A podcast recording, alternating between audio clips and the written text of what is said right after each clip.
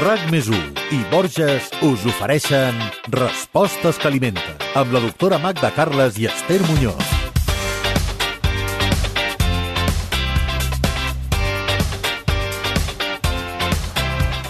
És un aliment assequible, versàtil i omnipresent a les nostres taules. Ara bé, no té gaire prestigi, al contrari, s'ha dit de les patates que engreixen moltíssim, que alimenten poc, que són tan sols per nens... En fi, cal conèixer aquest tubercle perquè té més avantatges dels que ens pensem. Ara que els preus del cistell d'anar a comprar estan pels núvols, val molt la pena parlar d'aliments assequibles i nutritius i, sobretot, val la pena desfer falsos mites sobre ells. Amb aquest podcast potser veurem la patata d'una altra manera.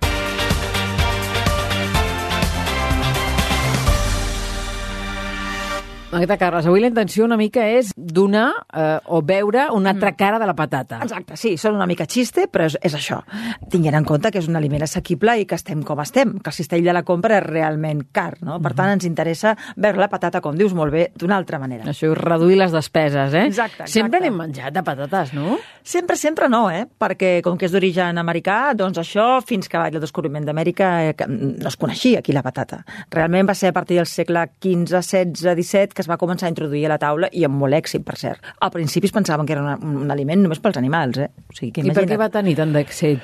perquè jo crec que és una planta que és fàcil de que, de, de, de, de que surtin molts tubercles, eh, és un gust neutre que pots barrejar amb moltes coses, agrada a quasi tothom, és fàcil de fer, home, té moltes avantatges que ja irem parlant, però jo penso que és un aliment fàcil. I és versàtil, també. Molt, molt. Bueno, ja ho hem vist tots, no? De quantes maneres podem fer les patates? Si agafem un llibre de cuina, mirem patates, ja veuràs tu les coses que... Passa que a vegades ens tanquem amb les patates fregides, aquelles de guarnició de tota la vida, no? I hi ha tants mons amb la patata que és una pena només quedar-nos amb això. És una mica l'objectiu del podcast d'avui és aquest, eh? exactament. A veure, doncs, eh, mm, quines possibilitats ens pot donar també la patata a nivell de cuina i a nivell gastronòmic. Però, abans de tot, Magda, am, eh, anirem amb el tema eh, nutricional, no? Què ens aporta una patata? Mira, una patata ens aporta sobretot aigua, perquè si anem a mirar la gran composició de la patata és, és aigua, no? Com la majoria de vegetals, tubercles i hortalitzes. En quina proporció, més o menys, Doncs ve a ser un 70-80%, o sigui que imagina't, eh? Però ens queda un 20% ben bé eh, de carbohidrats, eh? De carbohidrats, d'absorció lenta, molts midons, sobretot. Ens queda una miqueta, una miqueta de proteïnes, molt poc, eh? No és el fort de la patata, però atenció, no té pràcticament greixos. Mm. No té pràcticament greixos, cosa que és molt, molt, molt, molt interessant. I té, home, té un 2% de fibra. Vull dir que, en fi, això com a composició global. Per tant, és un aliment mm, farinaci, és un aliment carbohidratat, una mica semblant al de la pasta, al de l'arròs, els cereals, etc etc. Eh? Però amb diferències, ja ho veurem, amb diferències. Ja t'avanço que, encara que tingui aquesta fama, que ja hem dit que volem donar una visió més positiva i més, i, i, i més realista de la patata, encara que sembli que a qualsevol persona del carrer, estic convençuda que de cada 10 persones, li preguntaríem, vostè què creu que engreixa més? Uh, un plat de pasta bullit, simplement, o un plat de patates bullides, a igual pes. Estic convençuda que 7 de cada 10 persones ens diria que engreixa més la patata. Però és justament al No revés. és així? No, No? és així, no és així. La patata, en realitat, ja et dic, té 70-80% d'aigua i tot depèn de com la preparem. No té res que veure un plat de patates bullides amb un plat de patates fregides. Però la pobra patata sempre s'ha quedat amb aquesta, amb, amb aquesta història... Amb l'etiqueta, no? Amb Amb l'etiqueta etiqueta. totalment etiquetada d'aliment que engreixa moltíssim. Doncs mira, aquest és un dels falsos mites, com comentàvem fa uns dies. Absolutament, absolutament. Clar, perquè no sempre estem menjant patates fregides o patates chips, que és un altre tipus de patata també molt, molt consistent. La patata bullida, si l'anem a comparar, jo repeteixo, amb l'arròs, amb la pasta, amb els cigrons bullits, doncs és més lleugera que tot això. Per tant, tu com a metgessa nutricionista recomanaries abans les patates bullides que un plat de pasta en segons quines A veure, situacions. recomano tot, però sí, sabent, sabent que no, no les traiem del cistell de la compra per aquesta falsa idea absurda de que engreixen més del compte, perquè realment una patata bullida, entre altres coses, és molt lleugera. Ens has dit que tenen molts carbohidrats. És veritat que també que tenen vitamina C? Sí, sí que és una cosa que no ho diries, oi? Tot i que s'ha de dir que la patata és de la família de les solanàcees, igual que el tomàquet o el pebrot. Dius, ostres, ostres, aquests són de la mateixa família? Doncs sí. No ho semblen, no, No, eh? no, no sembla, però bueno, que a vegades hi ha germans que tampoc s'assemblen, no? Doncs ve a ser una mica això. Uh, sí que té vitamina C, lògicament no com una taronja, ni com un kiwi, ni com un mango, però té un, un 20%, de, vit- un 20 gram, mil·ligrams de vitamina C, que no és poc, eh? Que no és poc. 20 mil·ligrams de vitamina C és respectable. Però què passa amb aquesta vitamina? Que com que normalment ho tenim que bullir o ho tenim que coure, doncs se'n perd bona part. Eh? La manera de- d'aquesta patata que tindrem més vitamina C és fent-la al vapor, amb pell, eh? Sí. per conservar tots els seus aromes i les seves substàncies dintre, o fer-la rostida, més que fer-la bullida, saps? Perquè, clar, el bullit que té, que moltes substàncies passen a l'aigua. Clar, i s'e- s'evapora tot, no? Exacte.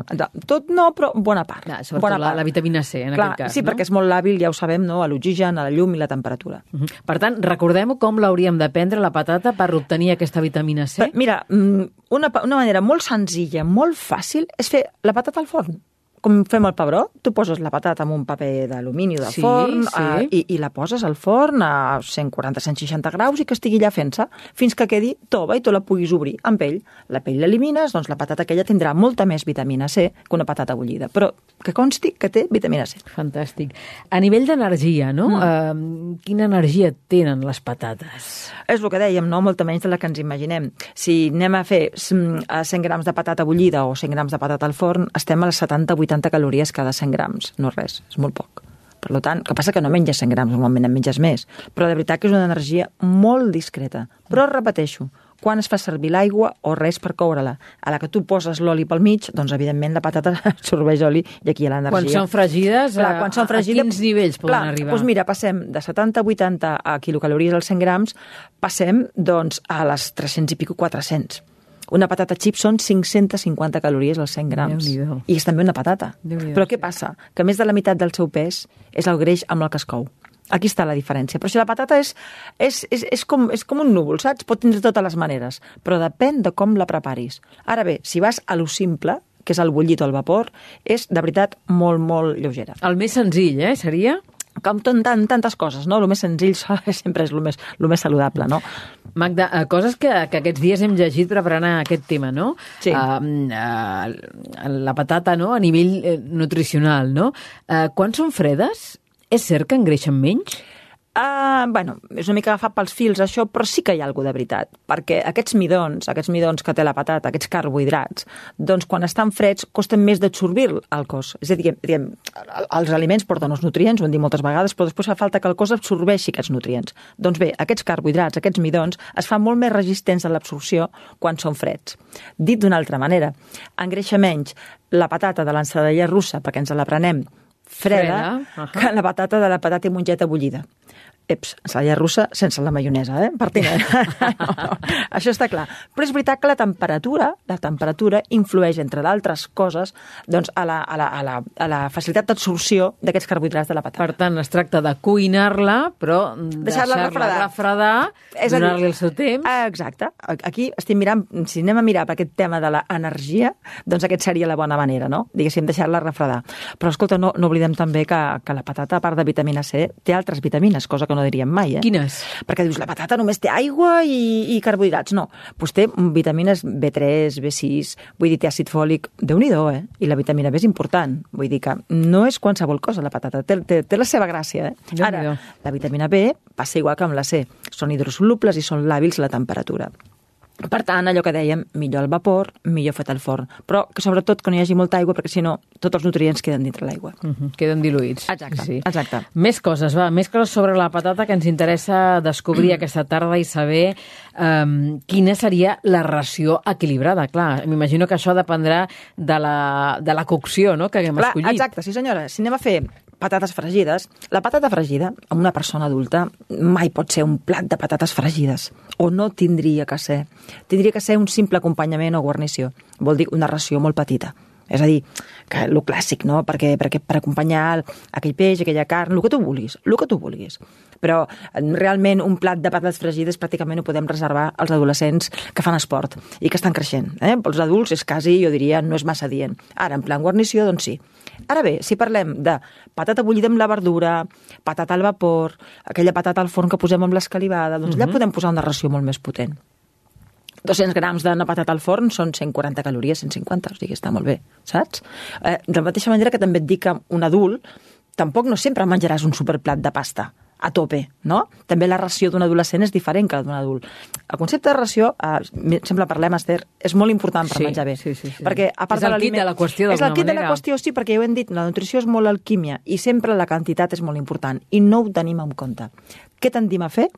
Lo bo, la quantitat que vulguis, de lo que considerem dolent, entre cometes, perquè hem sentit que ens engreixa molt o que no és tan bo, fem quantitat zero. I no és ni una cosa ni l'altra. És el terme Sí. mig, el terme mig. És la quantitat adient. I això sí que costa a vegades de, de, de, de, de que ho veiem, no? Tampoc diria ningú, per exemple, que la patata és una bona font de potasi. Cosa que va bé pel tema cardiovascular, que també té seleni o que també té dosis petites de fluor. Saps allò? Inclús Esther té dosis petites de ferro, cosa que no diries mai, no? De patata ferro, doncs sí, té, té petites dosis de, de, de ferro, no? Bueno, té la seva gràcia, té la seva gràcia. Saps que durant una època, a principis de segle, pels anglesos, la patata era eh, el principal, diguéssim, la principal font de vitamina C. Tu imagina't, tu imagina't el que estem parlant. Perquè, clar, és un, és un aliment assequible, és, és un aliment que arriba a totes les butxaques i en, èpoques de crisi doncs està molt present a les taules. Doncs a Anglaterra, durant una època, a principis del segle XX, era de les principals fonts que tenien els anglesos de vitamina C. Perquè vegis, eh? Hem fet una bona llista, de moment, eh? És que, Vitamina és C, que té, és que té, potassi, té... què més? Però Eh? no, però no s'acaba aquí. Uh, també hi ha compostos fenòlics que s'han vist que són com preventius d'algunes malalties, no? Coses que a vegades diem que només té les, els espinaques, els espinacs o que tenen, per exemple, els bròcolis, que dius, oi, té tal substància i tal altra, la patata té el seu també. Però a part d'això té efectes que també estan molt bé sobre el cos. Per exemple, uh, una patata bullida, Uh, si tu tens gastritis, si has begut massa, si tens l'estómac una mica allò, ostres, quina cremor, perquè vinc de, de Setmana Santa i cada dia he fet copetes, va bé. Són recomanables, sí? És com antiinflamatori, és com, és com antiirritant, no? Per tant, les gastritis, les, els, les cremors, patata bullida sempre funciona, sempre funciona. Serveix per, per fer neteja, per netejar? Serveix per, per calmar, és com calmant la patata bullida. Clar, estic parlant de patata bullida, eh? No seria el mateix una patata fregida. Insisteixo, eh? Això que quedi Insisteixo. subratllat, eh? Insisteixo, eh? Mhm, I en lletres ma- majúscules, no? Majúscules. Exacte, exacte. Eh, què succeeix quan, quan tenim sobrepès? No? Exacte. La, la patata, quin paper eh, ha de tenir en aquesta, en aquesta dieta? Doncs mira, el mateix paper que pot tenir el pa, que pot tenir la pasta, que pot tenir els cirons, que pot tenir... Uh, bullits o fets sense greix i en poques quantitats. Però pot estar perfectament amb una dieta encara que tingui sobrepès. Hi ha gent que em diu a vegades, ai, jo per sopar faig només mongetes verdes, però hi poso una patata, eh? M'ho diuen com si posessin, no sé, uh, en fi, com si posessin mitja llangonissa, saps? Vull dir, no, no passa res si poses una mica de patata, realment, no? Uh -huh. Perquè, primera, per lo que dèiem, perquè són, són uns carbohidrats d'absorció lenta i, evidentment, si fan aquella verdura se la mengen freda encara millor, però per això que dèiem abans, perquè realment 100 grams de, de patata bullida són molt poques calories. Per tant, la verdura amb la patata, perfecta. Clar. I, i, I els purés de patata que es fan en flocs? Això és una altra història. Això és una altra història. Els purés ja saps tu que tenen una absorció més ràpida. A part, els purés en flocs hi ha molts tipus. Hi ha molts tipus. A vegades porten sucres afegits, a vegades no. Mira, en general, Esther, les verdures, les hortalitzes, els vegetals en general, sempre, eh, diguéssim que mm, són menys energètics, entre cometes, quan es fan a trossos més grossos. Uh -huh. Tot el que són purés sempre facilita l'absorció i, per tant, té menys nutrients i, en canvi, eh, entre cometes, engreixa més. Per tant, un puré de patates, doncs, per un nen sí, per un adult, poquet. Ens has dit que la patata mm, va bé per la gastritis, per exemple, no? Sí, Casos sí, de sí, sí, gastritis, sí, no? sí, absolutament. Mm, Què succeeix, per exemple, doncs, amb aquestes patates eh, que gairebé tothom eh, en menja no? com a guarnició? Això ja no és tan digestiu. a part, si ens hi fixem, hi ha molts tipus de patata, no? Hi ha molts tipus de patata fregida, Esther. No has vist? A vegades, inclús en bons restaurants, és tot bo, proves patates fregides i són horribles. O sigui, és un element que és una mica la prova del nou del Per restaurant. començar, congelades. Exacte, jo sempre dic, costa, o, jo des de la meva humil opinió, eh, de, de crítica gastronòmica, eh, costa trobar restaurants amb bones patates fregides. Per mi, un restaurant té que tenir, igual que té que tenir una bona amanida verda, té que ser perfecta o una bona macedònia, té que tenir una bona patata fregida. És una manera també de posar-li nota al bar o al restaurant, Evidentment, eh? evidentment, mira, jo durant molts anys ho he fet, això de crítica gastronòmica, i sempre hi havia els plats senzills allà, molta gent punxava, saps? La patata fregida la gent punxa. Que diferents són les de l'avi o les que et fas tu, a vegades que les dels restaurants. Ei, també hi ha gent que ho fa molt bé, eh? A vegades és més intel·ligent en un restaurant doncs, demanar la patata aquella al forn, la patata rostida. Uh -huh. Però, ojo, també hi ha patates al forn que estan prèviament fregides i després les posen al forn. Això a vegades amb alguna recepta de peix al forn que dius, oh, som, ostres, m'ha omplert això, no? És perquè aquelles patates estan prèviament fetes amb oli, no? O sigui que el món de la patata és complex. És un univers. És, és complexa. Tot un univers. És complexa, però recordem que la patata més digestiva i la que és apta per tothom, per tot, tots els pesos, totes les butxaques, és la patata bullida, la patata al vapor i la patata al forn. Això queda claríssim. Dins de la varietat que tenim de patates quan anem a mercat, mm. n'hi ha unes quantes, moltes, eh? Tenim la patata moltes, blanca, per exemple, moltes, no? Moltes. Eh, tu recomanes alguna en concret? Ens podries parlar de les diferents varietats que hi trobem no? a Clar, nivell nutricional? La que és més vella, que és la que es compra a l'hivern, aquesta té més midons. I, per tant, en teoria, en teoria, encaixaria una miqueta més. La més tendra, aquella que té aquella pell més fina, que sembla com més jove, aquella té més aigua, aquella té més aigua, no? Clar, això ja els cuiners diuen, no, és que a mi m'agrada més la d'hivern per fer, per exemple, uh, un puré, perquè em queda més consistent. L'altre per fer l'ensalada russa, jo què sé. Cada un té les seves teories amb això, però hi ha molts, molts, molts tipus de patata. Cal dir, cal dir, de la patata, ja hem dit tot de virtuts, però diem també alguna petita història menys agradable. Uh, a vegades, amb això d'aprofitar, un pot pensar que la pell de la patata doncs, també s'ha d'aprofitar, no? Aquí no estic d'acord jo, perquè sota la patata hi ha el que es diu la solanina, que és tòxica. Una substància, molts vegetals tenen tòxics, Sí. la majoria tenen Sí. tòxics. Són defenses contra els microorganismes, contra els insectes, en fi, són m- modos de defensa dels vegetals, que també hi són, no? Bé, perquè tu prenguis una mica de solanina no passarà absolutament res, però no és un bon costum prendre's la pell de Clar, la si patata. per norma ho fas sempre, Exacte, llavors ja exacte. és diferent. Per tant, el que és intel·ligent és, si jo faig aquella patata al forn, doncs trec la, lo, lo que és la pell i deixo una miqueta de capa per no agafar aquestes substàncies. I ja està, no té més problema que això. I sobretot no menjar patates que ja tinguin color verd, eh? perquè vol dir que llavors les quantitats de solanina augmenten. Clar.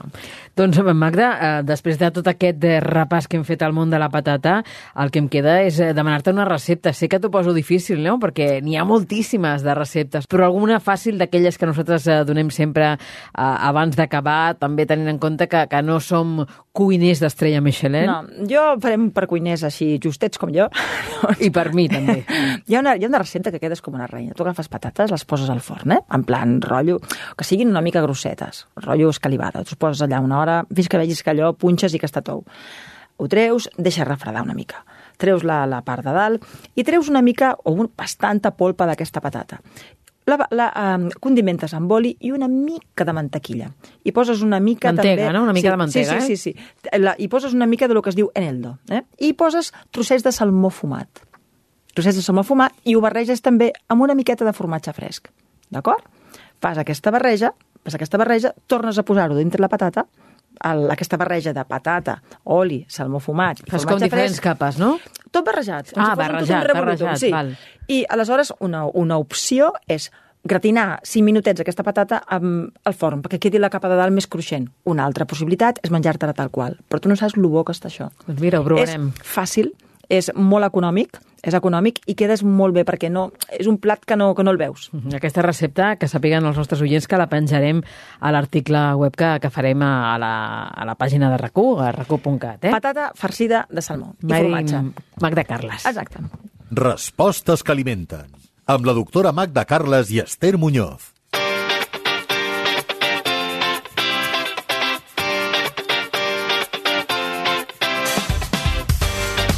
Ens preguntàvem avui al 64è podcast ja de respostes que alimenten si és recomanable o no menjar patates. Magda, què has de dir? Uh, sí que ho és, i us diré uns quantes raons per les quals teniu que mirar les patates d'una manera diferent. Primera, perquè realment si són bullides al vapor o fetes sense greix porten poca energia, 70-80 quilocalories als 100 grams, perquè porten una dosi gens despreciable de vitamina C i vitamines del grup B, perquè tenen minerals com el potasi, com el iodo, com el seleni, perquè realment són molt digestives, si són bullides o són al vapor, allò que hem dit abans, perquè són aptes per a tothom, pràcticament no tenen contraindicació, perquè són assequibles i perquè les trobem tot l'any. Per tant, jo espero que a partir d'ara us la mireu amb molt més carinyo. Tot el que hem après avui de la patata, avui ens la mirarem amb uns altres ulls i d'aquí 15 dies, Magda, parlarem també eh, d'un tema força interessant i necessari. Parlarem de si hi ha una dieta per prevenir l'anorèxia nerviosa. Ah, tema fascinant, ja m'agradaria a mi que hi fos. Un tema interessant. Us esperem d'aquí 15 dies. Que vagi molt bé. Adéu-siau. RAC més i Borges us han ofert Respostes que alimenten amb la doctora Magda Carles i Esther Muñoz.